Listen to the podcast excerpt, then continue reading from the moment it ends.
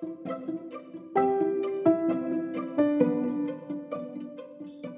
guys, Assalamualaikum. Hai, kembali lagi di Puspa Puspil Podcast. Apa kabar teman-teman? Semoga kabar teman-teman baik-baik aja ya. Gua udah hampir satu tahun nggak bikin podcast Tapi emang sebelumnya gue ngepost dua podcast. Cuman isinya tuh gak jelas makanya gue take down. Karena uh, gue nggak bikin podcast itu yang pertama gue nggak ada topik. Terus kedua tuh gue lagi butuh waktu buat istirahat. Karena bisa dibilang gue sedang dalam tidak keadaan yang cukup baik. Makanya gue memutuskan ya udah deh gue harus banyak istirahat.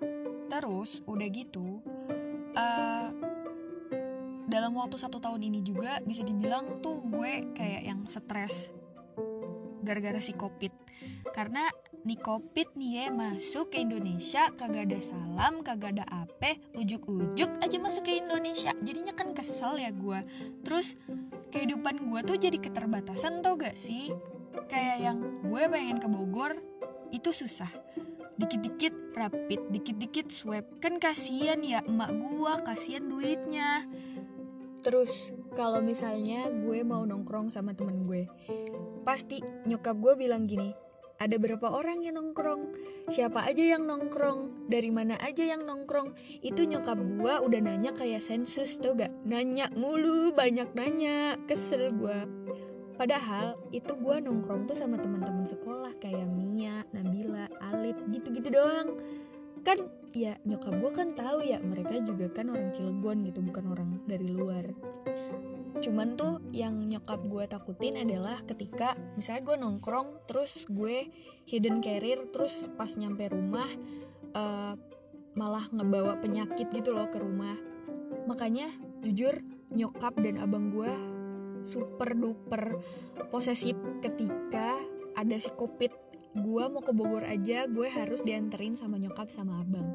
Kalau misalkan nggak dianterin gue langsung diamuk ini nih yang bikin mempersulit gua buat ke Bogor. Padahal mah istilahnya kalau misalnya kita jaga-jaga ya sebenarnya bisa sih uh, naik angkutan umum, cuman selalu gak dibolehin. Pasti abang gue selalu bilang gini, kamu kalau misalnya naik angkutan umum terus misalnya ketemu sama orang itu kamu nggak tahu dia bawa penyakit apa enggak. Kalau misalnya dia bawa penyakit terus nyambungnya ke kamu terus nanti pas pulang uh, kamu nyambungnya ke rumah maksudnya bawa bawa penyakit ke rumah kan kasihan si mama.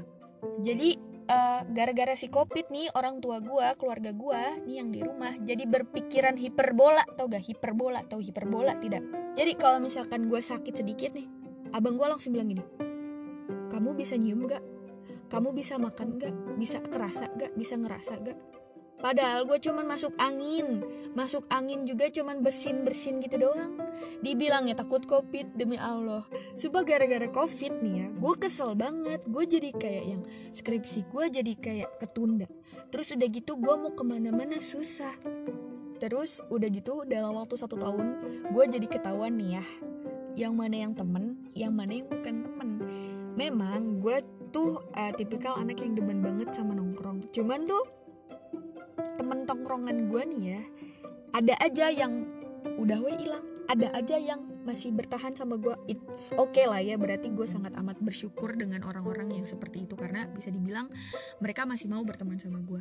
Cuman uh, yang yang yang yang pada pergi ini nih yang kurang ajar emang. Cuman ada sedihnya sih. Uh, dalam waktu satu tahun ini maksudnya dalam di masa pandemi ini gue jadi kayak harus banyak menelan rasa kehilangan. Kehilangan tuh kehilangan waktu sama teman terus kehilangan waktu sama uh, orang yang deket sama gue terus ujung-ujungnya malah ya gitu. Jadi kayak yang sedih aja sih gue yang tadinya gue apa-apa bareng sama mereka dan dia tapi ujungnya pas ketika gara-gara posisi kayak gini terus ada aja konfliknya. Jadinya ya udah bikin buyar aja semuanya.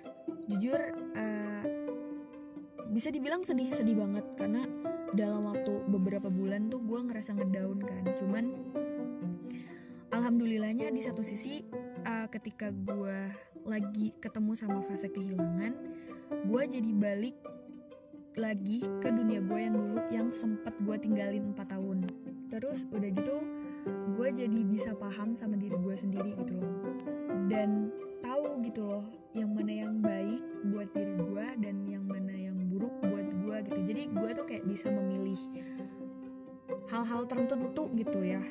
Ya intinya begitulah jadi kayak yang ada hikmahnya gitu loh dari semua kejadian yang terjadi selama satu tahun ini terus um, gimana ya kalau misalnya jujur perihal masalah kehilangan gue paling benci banget.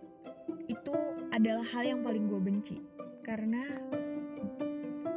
gue udah cukup banyak ngerasain uh, datang perginya orang-orang di hidup gue dan itu bikin gue banyak amat nelen rasa kecewa ketika gue udah percaya sama orang terus gak lama dia malah bikin gue kecewa. Dan itu bikin gue sakit hati. Kayaknya tuh rasanya tuh sakit banget gitu loh. Ya cuman mungkin bisa dibilang ini hukum alam sih dan nggak mungkin dong Allah ngasih cobaan atau ngasih uh, suatu keadaan di mana itu nggak ada hikmahnya. Dan ya itu ketika gue lagi ketemu sama fase kehilangan gue jadi ketemu sama fase di mana gue bisa belajar buat memahami diri gue sendiri. Makanya gue sangat amat um, apa ya kayak yang bangga sama diri gue sendiri. Karena bisa dibilang gue masih bertahan sampai saat ini. Ya karena itu untuk ngelaluin waktunya tuh gak gampang gitu loh. Bahkan naik turun gitu loh. Dan jujur uh, bisa dibilang gue sempet stres juga. Stres tuh bener-bener stres gitu karena ya itu udah mah gue nggak ketemu sama orang maksudnya nggak ketemu sama teman-teman terus udah gitu gue skripsian juga jadinya tuh kan kayak numpuk numpuk numpuk numpuk jadinya tuh stres sendiri gitu kan. Tapi alhamdulillahnya itu gue tuh ketemu sama orang-orang baru lagi ketika gue balik lagi ke dunia gue gitu. Terus gue jadi kayak punya distract gitu loh ketika gue lagi sedih gue jadi kayak punya pelampiasan lah bisa dibilang pelampiasan ke hal yang bisa dibilang bikin gue seneng gitu. Dan ya alhamdulillahnya gitu gue jadi kayak yang uh, cukup sedikit sehat gitu dibandingkan sebelum sebelumnya dan dalam waktu satu tahun ini gue jadi kayak yang punya waktu buat introspeksi diri gitu loh. Kayak yang oh iya ya uh, gue tuh selama ini tuh salah gitu. Maksudnya gue jadi me, apa ya melihat kesalahan gue tuh apa aja gitu loh. Kesalahan-kesalahan yang selalu gue ulangi tapi kadang tuh gue nggak suka sadar gitu kalau misalnya gue melakukan itu. Jadinya gue kayak yang oh ya udah nanti gue ke depannya jangan kayak gini lagi gitu loh. Jadi kayak yang berusaha buat belajar uh, biar bener aja gitu hidup gue gitu bener aja gitu uh, emosi gue karena bisa dibilang kan gue emosinya tidak cukup stabil ya. Maksudnya kayak yang naik turun gitu loh. Makanya uh, dalam waktu satu tahun ini gue bener-bener mempelajari diri gue sendiri gitu. Yang sebelumnya gue tidak pernah melakukan ini. Terus juga gue belajar untuk ya udahlah gitu loh. Maksudnya jadi kayak belajar ya udahlah ya kalau misalnya gitu. Jadi kayak yang banyak ya udahlah gitu atau enggak sebodoh amat lah gitu. Karena gue merasa kalau misalkan selama gue pikirin semakin gue pikirin semakin bikin gue sakit gitu loh. Terus gue jadi belajar ikhlas dalam segala hal gitu loh. Even memang ada sesuatu yang maksudnya uh, masih ada aja masalah yang kadang sulit banget buat uh, gue untuk ikhlas. Cuman gue sedang belajar untuk mengikhlaskan hal itu gitu karena biar gue tuh um, ya udah damai aja hidup gue gue yakin sih orang yang ngerasain kayak gue tuh bukan gue doang. Banyak. Karena uh, beberapa temen gue juga mengalami hal yang sama kayak gue gitu. Jadi makanya uh, ketika gue ngomong kayak gini tuh semoga ada aja yang dipelajarin gitu loh. Even memang gue merasa uh, gue tidak belum cukup baik jadi sebagai manusia cuman gue juga sedang berusaha untuk mm, menjadi manusia yang lebih baik lagi gitu loh karena setiap manusia itu tidak pernah lepas dari atau tidak pernah luput dari kesalahan. Pasti setiap manusia tuh uh, selalu melakukan kesalahan gitu, baik itu disengaja ataupun tidak disengaja. Tapi bagaimana kita uh, apa ya, mengintrospeksi diri kita sendiri dan mengevaluasi diri kita sendiri gitu loh biar kita nanti ke depannya nggak kayak gitu lagi. Even memang tidak segampang itu buat merealisasikannya tapi setidaknya kita harus ada usaha buat berusaha untuk lebih baik lagi gitu loh. Nah terus perihal masalah kehilangan pun gue kayak yang dari sini tuh gue jadi belajar kayak yang oh yang namanya di kehidupan tuh pasti ada fase di mana ada pertemuan ada pun perpisahan gitu loh. Jadi gue kayak yang belajar oh iya ya ketika ketika ada hal seperti ini tuh gue harus menerima konsekuensinya ketika nanti gue bakal berpisah sama orang itu gitu loh. Cuman mungkin bisa dibilang gue udah cukup banyak menelan rasa sakit kali ya. Anjay lebay banget gue maksudnya kayak yang gue cukup banyak menelan rasa kecewa jadi itu bikin gue kayak membatasi diri gue gitu loh. Maksudnya gue memilih membatasi diri gue untuk hal yang tidak penting gitu. Biar gue tuh nggak sakit hati lagi gitu loh. Maksudnya gue membatasi tuh bukan berarti gue tidak menerima orang baru ya bukan. Cuman gue lebih menseleksi aja gitu loh. Ketika ada orang misalnya ada orang datang kehidupan gue gue harus bisa lebih menseleksi biar gue tuh tidak merasa uh, kecewa lagi gitu.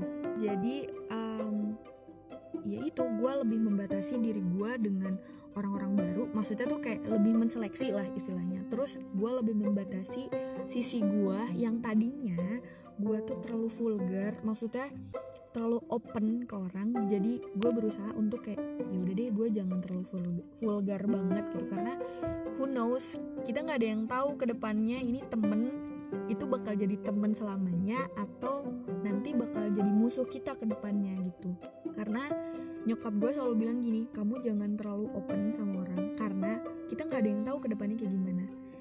Entah itu dia akan terus tetap berteman dengan kita atau dia akan menjadi musuh gitu. Maksudnya ya intinya sih kayak yang lebih banyak berhati-hati sih. Maka dari itu gue pengen tuh teman-teman yang ngedenger tuh bukan berarti uh, membatasi diri dengan orang baru bukan. Gue tuh pengen ketemu sama orang baru cuman lebih menseleksi aja gitu biar gue nggak merasa sakit hati lagi gitu.